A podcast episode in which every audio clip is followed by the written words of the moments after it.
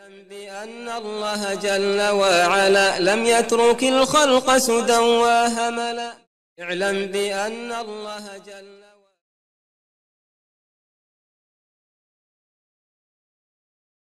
بسم الله الحمد لله الصلاة والسلام على رسول الله. استعين بالله لا حول ولا قوة إلا بالله. اللهم لا سهل إلا ما جعلته سهلا وأنت تجعل الحزن إذا شئت سهلا. اللهم أرنا الحق حقا وارزقنا اتباعه وأرنا الباطل باطلا وارزقنا اجتنابه ولا تجعل الحق ملتبسا علينا فنضل.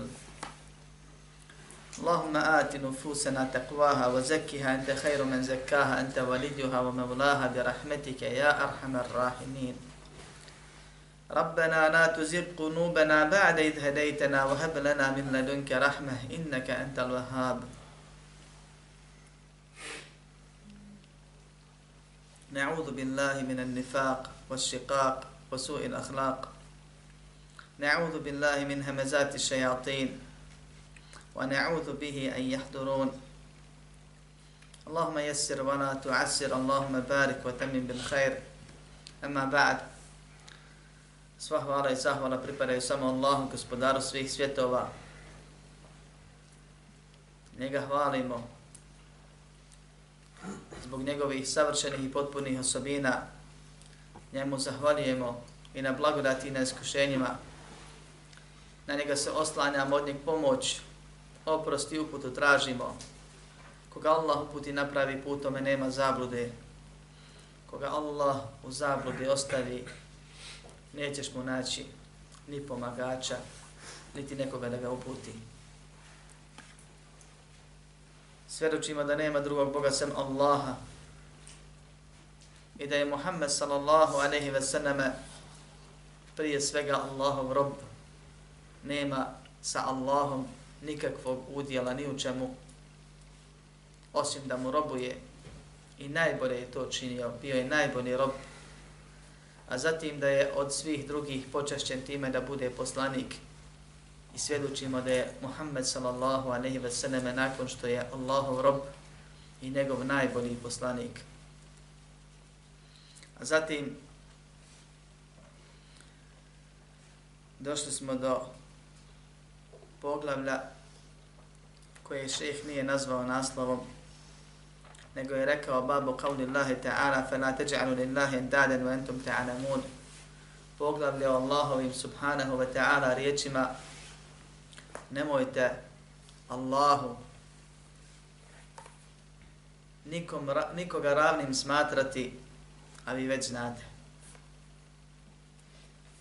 I ovo je prva zabrana u Koranu u mushafu tačni, ne u Koranu kad otvorimo mushaf i čitamo u istom ovom ajetu najćemo na prvu naredbu o ljudi obožavajte samo svoga gospodara. I na kraju zabranu ne pripisujte mu sudruga, vi već znate.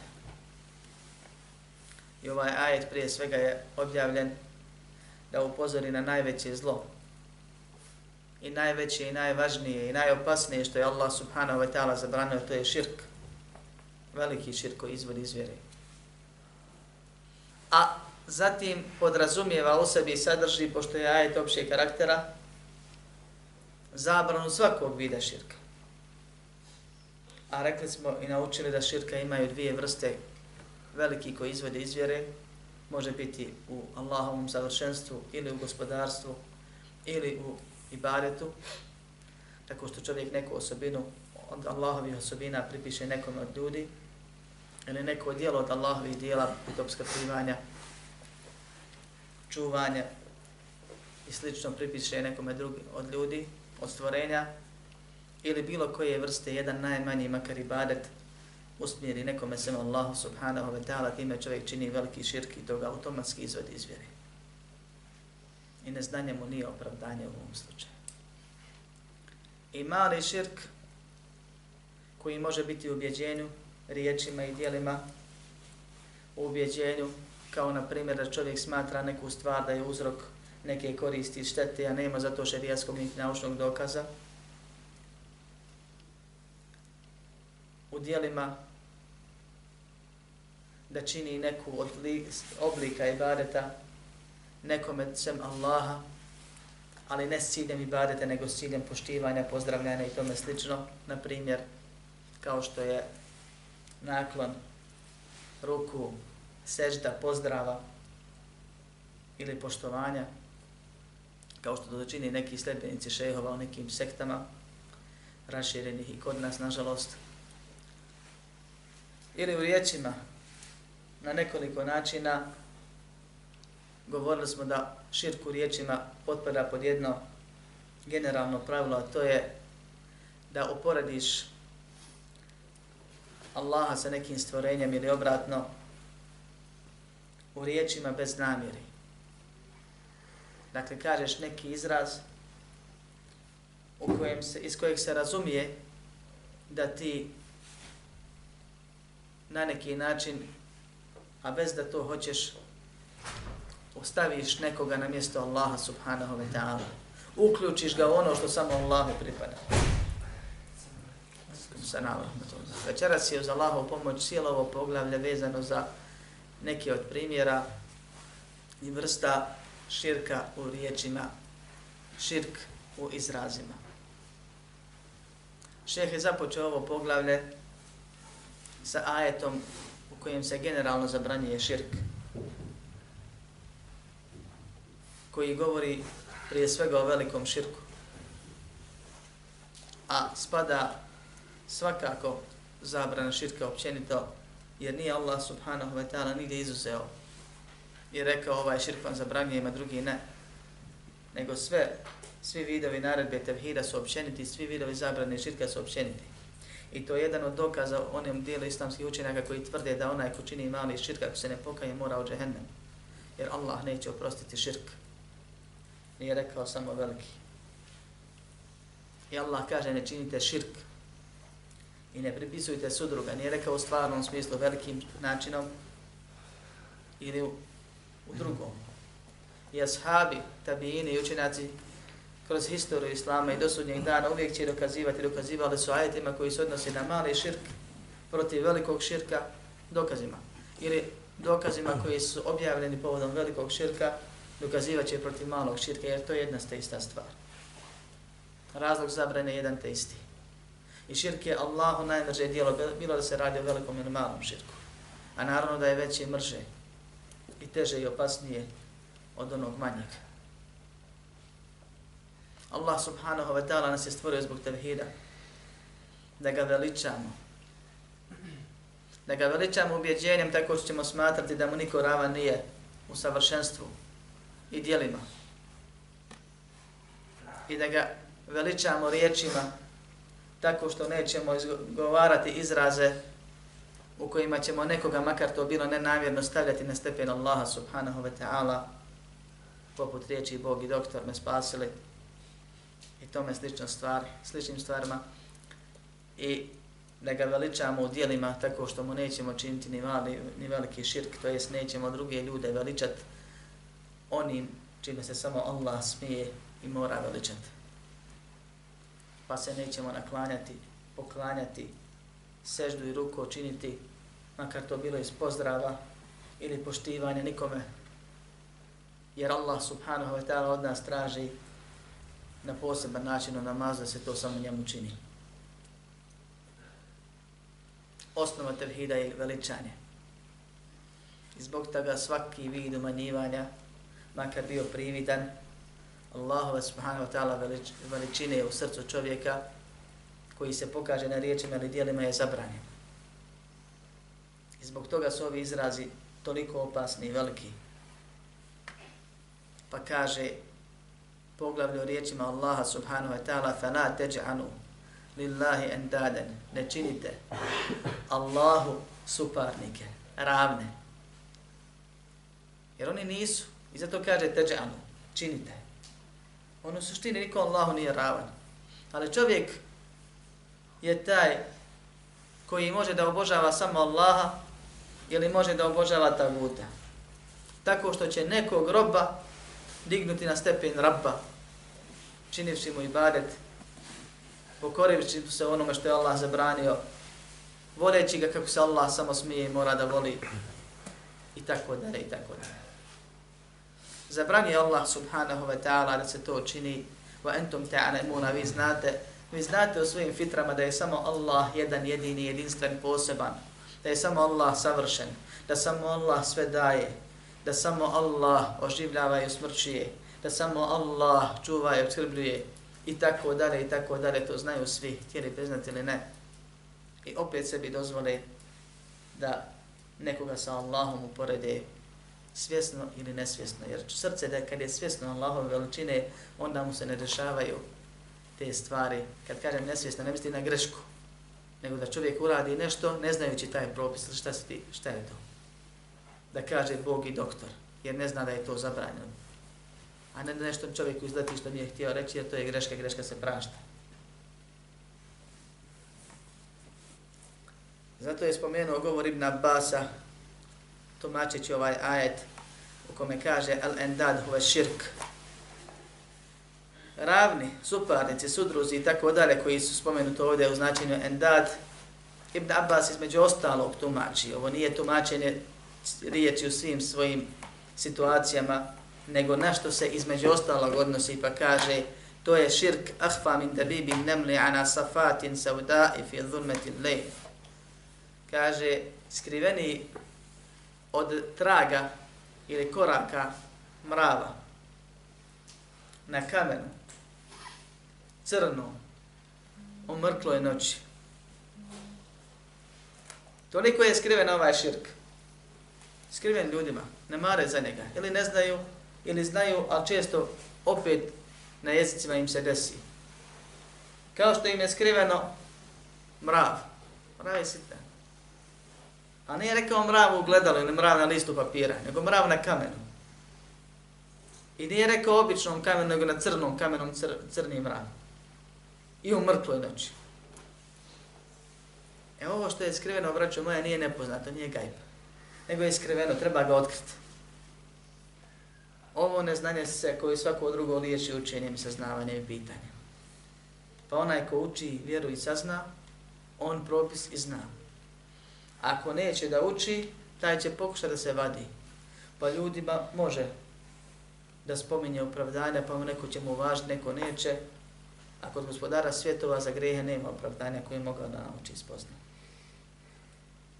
I zahvaljujemo Allahu subhanahu wa ta'ala ponovno što nas je okupio oko učenja vjere i to oko učenja tevhida kao najbitnijeg dijela vjere. Jer da naučiš neki u stvar da je mali širk pa je ostaviš, bolje ti je nego da naučiš dva velika grijeha pa da ih ostaviš. Kaže Ibn Abbas nastavlja dalje, rahimahullah, radijallahu anhu, pa kaže, va huwa anta kula wallahi, wa hayatike ya fulan. Allaha mi života mi tvog ovog čovječe. Ili da kažeš života mi.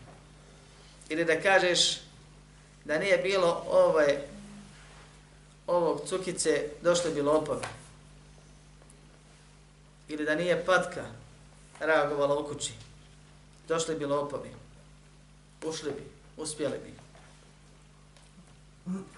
Ili da čovjek kaže drugom čovjeku što bude Allah htio i ti, ili što hoće Allah i ti što hoćeš.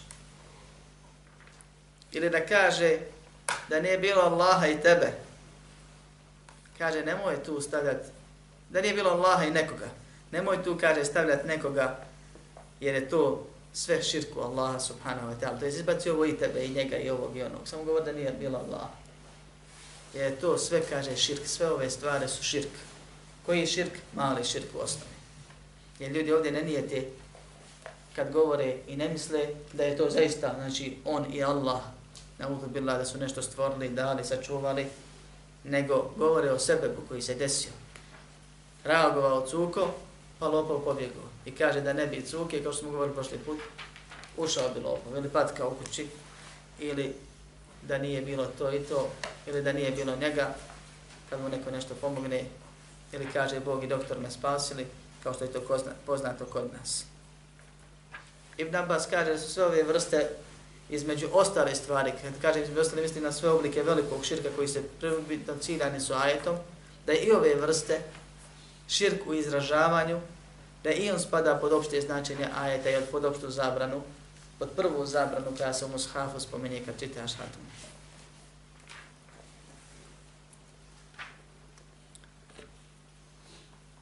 Kaže Domer ibn al-Khattaba, ispravan da je hadis od Ibn Omara, radijallahu anhu, da je poslanik sallallahu alaihi wa sallam rekao, men halata bi gajri Allahi faqad kafar au ašrek.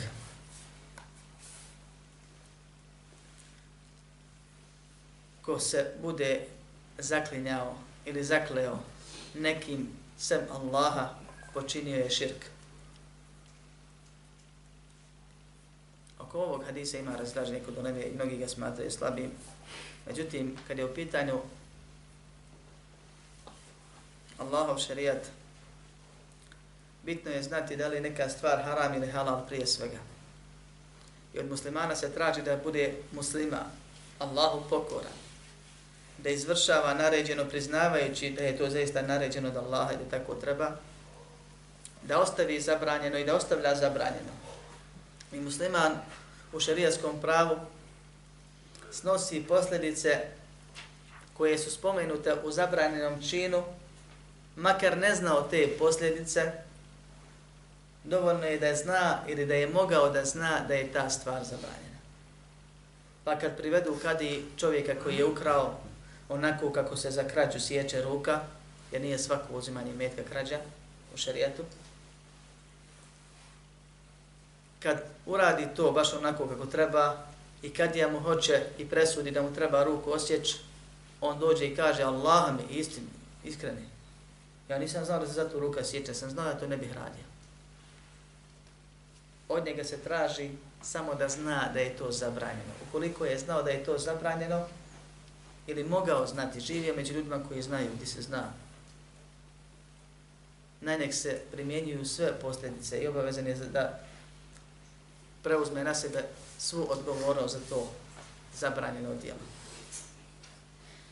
U šarijatu, u Buharinom sahihu, između ostalog, stoji da je poslanik sallallahu alejhi ve sellem rekao Omeru radijallahu anhu la tahlifu bi abaikum nemojte se zaklinjati vašim precima ili roditeljima Kaže se u drugom hadisu inna Allaha inha ili rivajetu inna inha kum an tahlifu bi abaikum. Allah vam zabranjuje da se zaklinjete precima ili roditeljima, očevima. Kažu da je u Sarajevu najveći tagu neki ocan. Najveći tagu. Nekakav ocan, samo da spominju. Ocan i ocane. E to je ono što je zabranjeno islamu. Allah vam zabranjuje da se zaklinjete očevima. Kaže u hadisu drugom, ko se bude zaklinjao, neka se zaklinje samo Allahom. Također hadisu sahihu. U Buharinom sahihu stoji da je poslanik sallallahu aleyhi ve sellem rekao ko se bude zakleo pa rekao, to je s greškom, nenamjerno, tako mi lata, tako mi uzata, neka kaže la ilaha inna Allah. I ovo je dokaz ili od dokaza da je zaklinjanje nekim sem Allaha subhanahu wa ta'ala zabranjeno i da je to širk. Bez obzira na ovaj hadis u kojeg se razilazi. Ima toga još. I samo značenje zakljetve govori o tome. Zato kaže Ibn Mes'ud radijallahu anhu, kao što je u sljedećoj predaji, sljedećem tekstu kojeg je šeheh spomenuo, rahimahullah, li an ahnitha billahi kadiba ahabbu ilaje min an ahnitha bi gajrihi sadiqa. Da se Allahom lažno zakunem. Draže mi je nego da se zakunem nekim sam Allaha iskreno. I ovo je jedan od dokaza opasnosti zaklinjanja nekim sam Allaha da je zaklinjanje nekim sam Allaha grije, da je zaklinjanje nekim sam Allaha veći grije od velikih grijeha. Jer je poslanik sallallahu alaihi ve sallam lažnu zakljetvu nazvao jako teškim grijehom. Da čovjek se namjerno lažno zakune u imetku, otimajući tuđe i da kaže Allah mi moje, to se zove jeminul gamus, zakletva koja, da prevedemo doslovno, potopi, umoči, kaže, uvodi onoga ko to radi u veliki grijeh na dunjaluku i u džahennemsku vatru na ahiretu. Či tu ne pali kazna u kaboru i na sudnjem danu. Toliko je veliki grijeh. Da kažeš Allaha mi jeste, a nije. I svjestan si da lažeš. Ne, nije ti onako izašlo i nije ti, ti izašlo onako kao što ljudima često govori bez namjere u, u govoru, niti je to bilo onda kad se ti bio ubijeđen da je istina pa rekao, a ispostavili su da lažeš. To nije, ne spada ovo. Nego svjesno slažeš, Allahom se zakoniš. Toliko veliki grih. A Ibn Mas'ud, ashab Allahova poslanika Muhammeda sallallahu alaihi wa sallam, koji je Muhammedovu sallallahu alaihi wa sallam školu u vjeri prošao, kaže da se zakunem Allahom lažno, da uradim ovakav grijeh i ovakav. Draže mi je nego da se zakunem nekim sam Allaha iskreno. Jer je ovo veliki grijeh, a ono drugo je širk. A širk je veći od velikih grijeha, makar bio mali širk koji ne izvodi iz vjeri. Jer je zakletva, braćo moja, po definiciji spominjanje nekoga ko ti je veliki i bitan, kao potvrdu nečega što želiš reći ili dokazati. To je jeziku. A u šarijatu zakletva je spominjanja Allaha subhanahu wa ta'ala, njegovog imena ili njegove osobine kao potvrda. Ja šarijat ne priznaje drugi zakletve. I zato čovjek može dovesti sebe u situaciju da se zaklinje nekim sem Allaha i da izađe iz vjere ili da ne izađe iz vjere, ali da počinje mali širk koji je veći grije od lažnog zaklinjanja Allaha. Allahom namjerno, svjesno. A čuli smo koliko je to grije.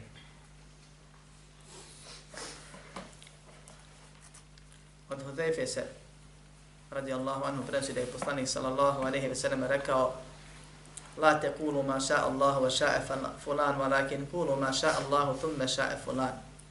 Nemojte reći što hoće Allah i taj i taj. Ili što je htio Allah i taj čovjek. Nego recite što hoće Allah, a zatim taj čovjek. Ili što je htio Allah, a zatim taj čovjek.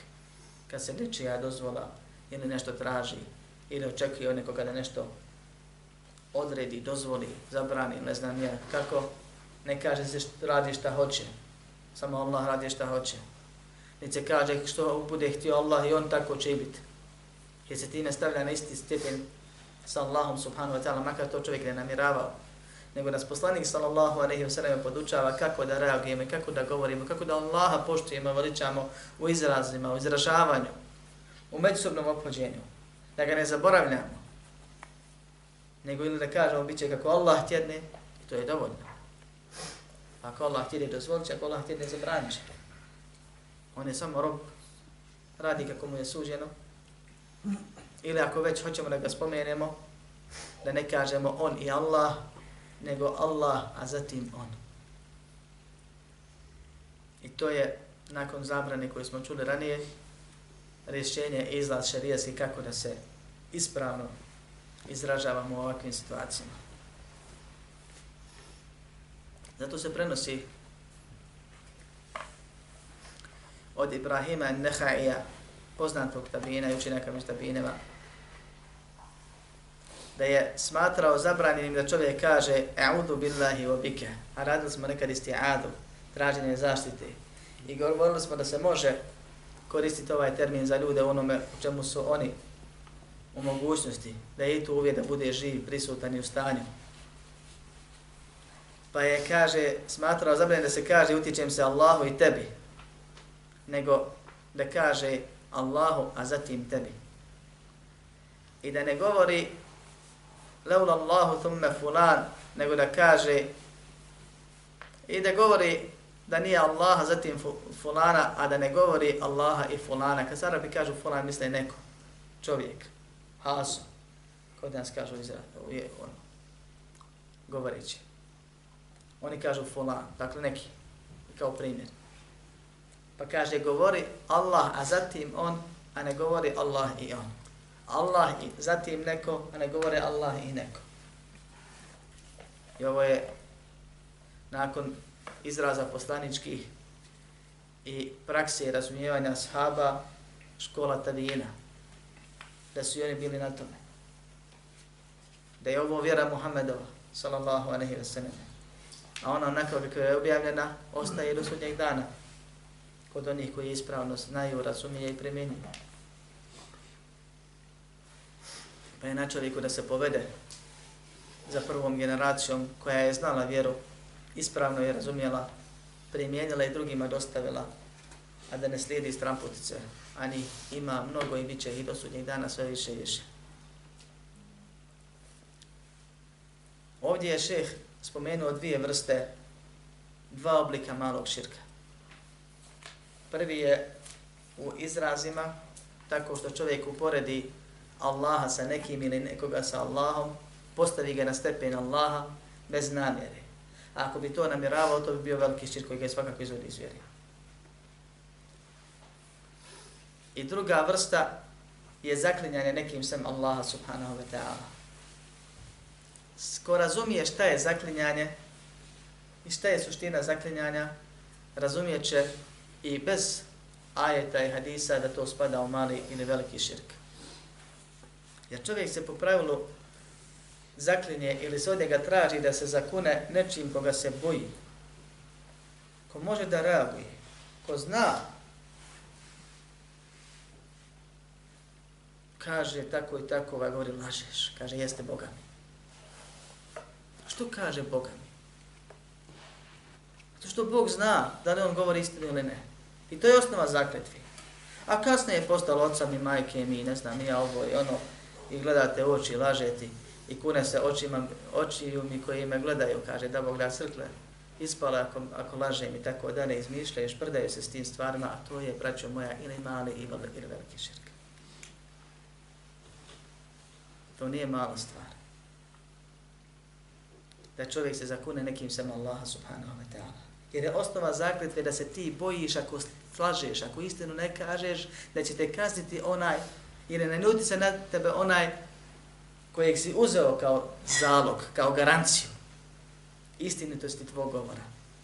I zato se dešava kod onih, i to je poznato i priznato, dokazano, kažem priznato od strane njih, koji su uzeli koje kakve ulije, šehove, imame i tako dalje, za bogove pored Allaha, iako to on neće priznati ovaj drugi izraz, ali suština i praksa njihovog života i vjerovanja na to ukazuje da mu kažeš, je li istina, kaže, jeste Allah.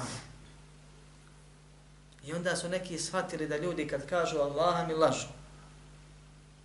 Makar bili pobožni. Govorimo da o ljudima koji su na izgled pobožnjaci. Pa kaže, a smiješ li se zakljeti svojim šehom? Kaže, ne smije. Ili se traži od njega to haram. Ali znajući da on to radi, kaže mu, ako mu kaže za kun se šehom ne smije. Pa su upitani neki od njih, zbog čega se ne smiješ zakljeti šehom kad neistinu govoriš, a zakuneš se Allahom kad neistinu govoriš, kaže Allah je milostiv. A šeh, iako je vlija, on je ipak čovjek. Naljutit će se na mene, pa mi propade šefat ili šta već. Što znači da on vjeruje da njegov šeh u kaburu ili u teki ili gdje se već nalazi, zna šta on priča tamo negdje. I zna da li on istinu govori ili ne pripisuje mu osobinu sve znanja, koje samo Allahu subhanahu wa ta'ala pripada i dolikuje. Pripada i dolikuje. I to je širk veliki u savršenstvu. U Allahu subhanahu wa ta'ala osobinu. Pa ga taj veliki širk navodi na ovo rješenja u malom širku. Ili u, veliki grijeh, da pretpostavlja, znači da javno, jasno laže kad se Allahom zaklinje a da ne smije šeha da uzme u zakletvu. A ovako, braćo moja, još više pravi vjernik ne smije da slaže kad se Allahom zakune. Ja zna šta je rekao. Zna šta je, koga je za garanciju uzeo i na taj način i prozvao i pozvao da ga kazni ako laže. To nije mala stvar. Kad se kaže Allaha mi, Boga mi, svejedno. Allah je znao kakvi su ljudi po prirodi, pa je izuzeo iz ovog propisa ono što ljudi govore nesvjesno. U riječima, Boga mi, podara pa Allah je svaka druga riječ je. I tako dalje. i kaže la yu'akhidukum Allahu bil lagwi fi aymanikum walakin yu'akhidukum bima aqadtum al Allah vas ne kažnjava za one zakljete koje usputno kažete bez namjere, nego vas kaže, uzet će, poziva vas na, vas na odgovornost za ono što ste namjeravali zakljetvu, kad, ste, kad namjeravate zakljetvu. Pa ako čovjek kaže onako, nije namjeravao zakljece, nego mu izletilo Boga mi, nije griješan. Također, ako kaže, vjerujući da je u pravu, pa se ispostavi da je pogriješio, bilo da je on zaboravio, pogrešno vidio i tome slično, nije grešan. Ako se zakune Allahom svjesno, jako je grešan. A ako se zakune nekim sam Allaha subhanahu wa ta'ala, onda je osnovi počinio mali širk, ja vjerujemo da vjernici u Allaha vjeruju da mu širk ne čine, a ima situacija kad čovjek se poziva na nekoga sem Allaha, kao što se poziva na Allaha. Da strahuje ako pogriješi od njega kao što se strahuje od Allaha. Da očekuje belaj zbog njega kao što čovjek boji se posljedica greha od Allaha. U tom slučaju je to veliki širk. Jer u sebi sadrži još neke širkove prije, da nije ni u ubjeđenju, ne bi u takvo stanje bio doveden. Pa da se boji za tu svoju rečenicu kao što se pravi vjernik Allaha boji i strahuje za posljedice. I to su stanja kada je u pitanju zakletva. Kad je u pitanju poređenje ili izgovor, izražavanje po pitanju nekih uzroka, najispravnije i najpotpunije i najsigurnije i najsevapnije je da čovjek kaže što je Allah htio, da nije Allah i da samo Allaha spominje da nikoga više ne spominje. Jer svi ostali su uzroci koje da Allah nije dao da djeluju, da ih Allah nije stvorio, da ih Allah nije u tom trenutku poslao i tako dalje, ne bi uopšte djelovali rako. I ne bi čovjek imao koristi od njih. A ako već hoće nekoga da spomine, onda je poslanik sallallahu alejhi ve sellem nas podučio kako da reagujemo, pa kaže Allah, a zatim. Arapi se razilaze na arapskom jeziku zbog značenja preciznog tih nekih rečica, da li se smije reći Allah pa? I kod njih je preče to ostaviti. Ali nije isto kao Allah i. Dok kod nas je to u jeziku drugačije, pa nema smetnje, Allah najbolje zna da čovjek kaže Bog pa doktor. Jer je pojenta u oba jezika da se prvo Allah spomene kao izvor svega, a zatim onaj koji je uzrok. I da onaj ko bude dodat u rečenci, vidi se, izrazumije se iz rečenci da je to sporedna stvara, ne glavna, ne jednaka prvo. Pa Bog i doktor razumije se da su jednaki. A znamo da čovjek to nije htio. Pa ne kažemo ti sad čafir, nego kažemo učinio si težak rije koji je na stepenu malog širka i tako dalje. Pokaje se, nemoj to više raditi. Ali ako kaže Bog pa doktor, to je već nešto, a Bog, a zatim doktor, to je već dozvoljeno. I to je onako kako je najbolje. Ovo izreku spominjem često izraz zato što se na, puno spominje kod nas ljudi kad odu u bolnicu i vrate se i budu izliječeni, često spominju taj slučaj priče, ili ne zaborave, ili ne budu iskušani novim iskušenjem, kad god ih neko pita, hvale tamo nekog doktora i kažu često, ako su vjednici, Bog i doktor, ako nisu, onda samo doktora spominju, o zvijezde zakivaju, dok ih ne iznevjeri jednog dana. I tako bilo koja druga. Znači, najpreće i najbolje i najkorisnije da se samo Allah spominje. Ako se već spominje, mora da se spomene tajim izrazom da se razumije da je Allah subhanahu wa ta'ala glavni izvor, a da je ono drugo sporedno, pa izraz zatim je najbolji, a može se koristiti bilo koji drugi izraz koji ima isto značenje. Ako kaže Bog i doktor, počinio je u osnovi mali širk, u slučaju da zaista vjeruje neko, ako ima takvih da i Bog i doktor stvaraju, i Bog i doktor liječe, i Bog i doktor daju, onda je svakako to veliko nevjerstvo koje izvodi iz vjere, veliki širk. Ali se to ili rijetko ili skoro nikako ne dešava. Međutim, vjernik mora da zna i da se pazi ovih stvari, jer često, nažalost, u razno raznim humanitarnim akcijama koji se snimaju iz ovog ili novog razloga, ne ulazeći u propisanost toga i koristi štetu, čućemo kako neki koji su na izgledi na sunetu kažu hvala Allahu i dobrim ljudima. I to je veliki problem.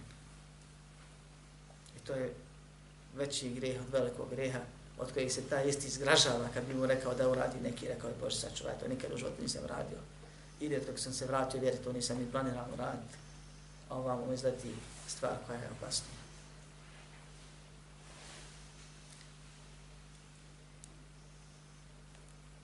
Ovo je ono što je šeh htio da spomene u ovom poglavlju.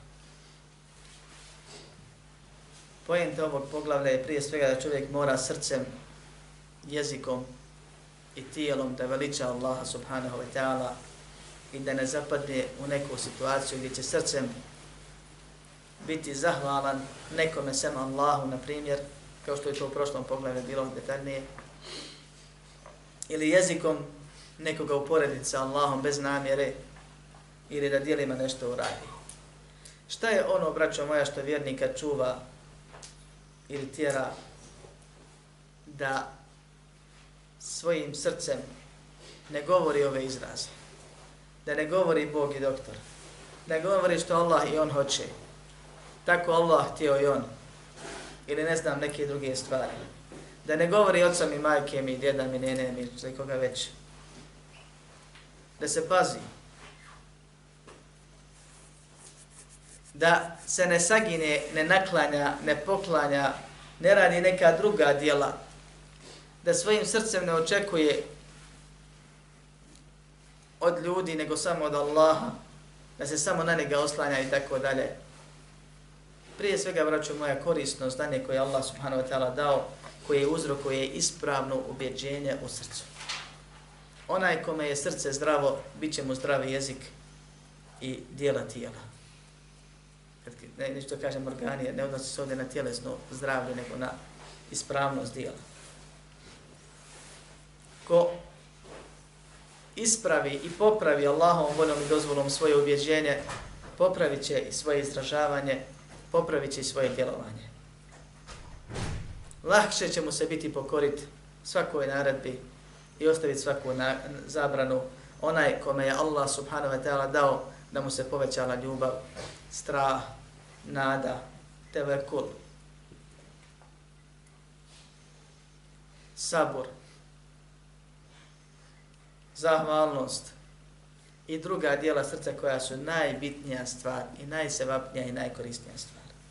Međutim, ne može čovjek ni strahovati ako ne zna opasnost nečega. Niti se može nadati ako ne zna uzroke te nade. Niti se može osloniti nekoga ako ne zna da mu je on dovoljan. Pa je korisno znanje osnova svih blagodati koje kasnije proizilaze iz toga. Da spoznaš Allaha subhanahu wa ta'ala što više, pa u srcu se jave jaka, dobra dijela srca, a uklanjaju se i umanjuju se, liječi se srce od bolesti srca pod potoholosti, zavisti, osjećaja neovisnosti, nezahvalnosti, kontriranja ili nezadovoljstva sa Allahom odredbom, i drugim stvarima, te nakon toga mu bude lahko da kontroliše čuva i drži svoj jezik, da govori ono što je Allah subhanahu wa ta'ala zadovoljan, a da ostavlja ono što Allah subhanahu wa ta'ala srdi. Lako mu bude da se pokori Allahovoj naredbi, da se sustegne od onoga što je Allah subhanahu wa ta'ala zabranio. Ako je u srcu propast, onda će se to sigurno pokazati na jeziku i na dijelima. Molim Allaha subhanahu wa ta'ala da očisti, izliječi i uputi i popravi naše srce. Da nas pomogne na dijelima srca sa kojima je On subhanahu wa ta'ala zadovoljan. Molim Allaha subhanahu wa ta'ala sačuva naše jezike od onoga s čim On nije zadovoljan. Da nas uputi na najbolja dijela, pogotovo neposredno prije naše smrti, da naša dijela budu na kraju najbolja. Molim Allaha subhanahu wa ta'ala da nas uvede u džene, sačuva džahenneme, džehennemske kazne, da nam oprosti grehe, na dunjaluku prije ahireta, da oprosti muslimanima i muslimankama svim, da nas pomogne na svemu onome s čim je on zadovoljan. Amin. Walhamdulillahi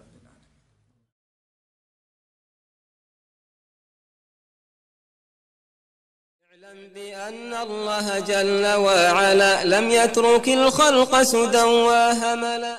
اعلم بأن الله جل